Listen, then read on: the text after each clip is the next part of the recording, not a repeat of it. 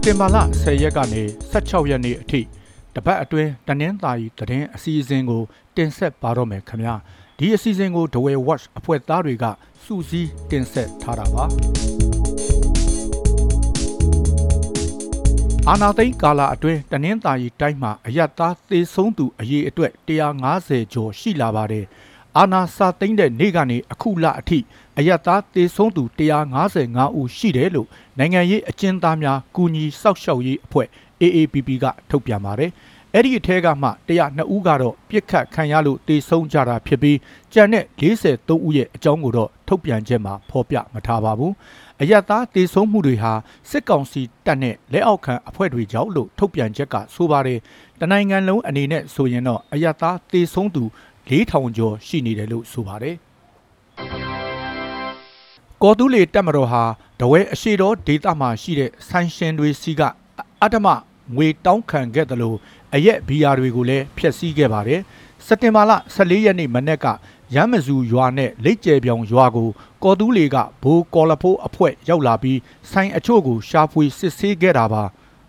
ဒီလိုရှာဖွေရမှာရမ်းမဇူရွာကအရက်ဆိုင်ရှင်အချို့ကို သိန်း200ပေးဆောင်ဖို့ပြောဆိုခဲ့တယ်လို့ဆိုပါတယ်ဒေတာခန်တွေကညှိနှိုင်းပြောဆိုချိန်မှာတော့တဆိုင်ကိုငွေကျပ်10သိန်းကနေသိန်း30အထိပေးဖို့သဘောတူခဲ့ရတယ်လို့ဆိုပါတယ်ဒါအပြင်စစ်တပ်ထုတ်ကုန်မဟုတ်တဲ့အရက်ဘီယာတွေကိုလည်းဆိုင်ရှိမှာရိုက်ခွဲဖျက်ဆီးပစ်ခဲ့ကြတယ်လို့ဆိုပါတယ်ဒီကိစ္စနဲ့ပတ်သက်ပြီးကော်တူးလီတက်မတော်ရဲ့ပြန်ကြားရေးတာဝန်ခံကတော့အဖွဲ့ဘက်ကတရားဝင်စာပုတ်ထားတာမရှိသေးသလိုပြန်မေးပေးမယ်လို့ဆိုပါတယ် စက်တင်ဘာလ14ရက်နေ့ကလောင်းလုံးမြို့နယ်အင်းဆောက်ရွာနေအရေးပေါ်လူနာတင်ရင်နဲ့နာရေးကူညီမှုအဖွဲ့ဝင်အမျိုးသား2ဦးအဖမ်းခံလိုက်ရပါတယ်။အသက်20ကျော်အရွယ်ကိုတောက်တောက်နဲ့ကိုငယ်ငယ်ကိုအမည်မသိလက်နက်ကင်အဖွဲ့တွေကစိုက်ကယ်တွေနဲ့လာဖမ်းသွားတာပါ။သူတို့ကိုဘယ်သူတွေကဘယ်လိုအကြောင်းရင်းကြောင့်ဖမ်းဆီးသွားတယ်ဆိုတာကိုတော့မသိရသေးသလိုစက်တင်ဘာလ15ရက်ညနေအထိပြန်မလွတ်သေးဘူးလို့ဆိုပါတယ်။ လောင်းလုံးမြို့နယ်အတွင်းအမည်မသိလက်နက်ကင်အဖွဲ့ရဲ့ဖမ်းဆီးမှုများခက်ဆစ်စိတ်ဖြစ်နေပြီးအခုနှစ်ဩဂုတ်လကနေစက်တင်ဘာလအထိအဖမ်းခံထားရသူ9ဦးအထိရှိနေပါတယ် တဝယ်မြို့နယ်တပြေချောင်းရွာမှာစိတ်ဝေဒနာရှင်လူငယ်တဦးက KG ကျောင်းသူကလေးငယ်တဦးကိုရေတွင်းထဲပစ်ချခဲ့လို့တေဆုံးသွားပါတယ်။အဲ့ဒီ KG ကျောင်းသူလေးကိုအသက်20ကျော်အရွယ်စိတ်ကြမ်းမာရေးမကောင်းသူကစက်တင်ဘာလ17ရက်နေ့ကခေါ်ဆောင်သွားတာလို့ဆိုပါတယ်။အလောင်းကိုတပြေချောင်းရွာချိန်မြန်တန်ရင်ခမရ401နားကရေတွင်းထဲမှာတွေ့ရတာပါ။ကလေးငယ်ရဲ့မိဘနှစ်ဦးကွဲကွာနေကြတဲ့အတွက်စစ်ကောင်စီတန်ရင်ထဲမှာပဲ အဖိုးအဖွားတွေနဲ့အတူနေထိုင်တယ်လို့ဆိုပါတယ်။စက်တင်ဘာလ15ရက်နေ့ကလောင်းလုံးမြို့နယ်ကြောက်နီမော်ရွာကားလန်ဘီတောင်ကဘာပြိုကျလို့နေအိမ်နှလုံးပျက်စီးခဲ့ရပါတယ်။မြေပြိုကျလို့လက်ရှိမှာနေအိမ်နှလုံးပျက်စီးပြီးနောက်ထပ်လည်းပြိုကျပျက်စီးနိုင်တဲ့နေအိမ်နှလုံးလည်းရှိနေပါတယ်။မြေပြိုတဲ့အတွက်လူထိခိုက်တာမရှိပေမဲ့နေအိမ်လေးလုံးကမိသားစုဝင်တွေကိုတော့ဘေးလွတ်ရာပြောင်းရွှေ့ထားတယ်လို့ဆိုပါတယ်။ ရေဖြူမြို့နယ်ဇာဒီရွာမှာအမျိုးသား2ဦးစက်တင်ဘာလ14ရက်မနေ့ကသနတ်ပစ်ခံရပြီးတဦးသေဆုံးသွားခဲ့ပါတယ်။ဇာဒီရွာရဲ့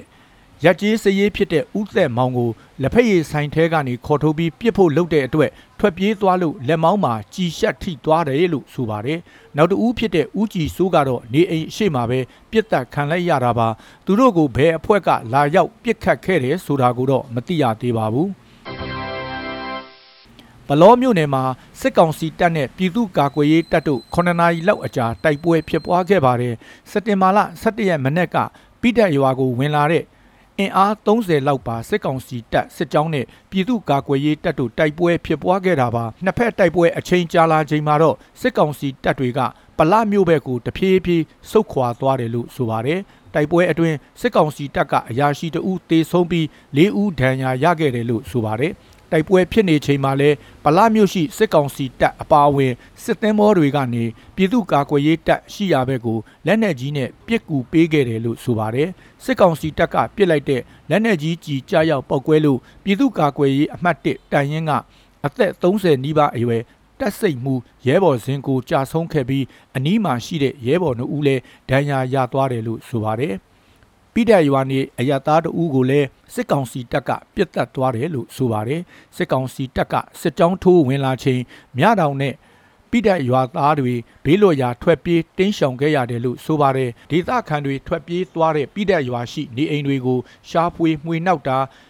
ရိုက်ချိုးဖျက်ဆီးတာတွေလုပ်ခဲ့တယ်လို့ဆိုပါတယ်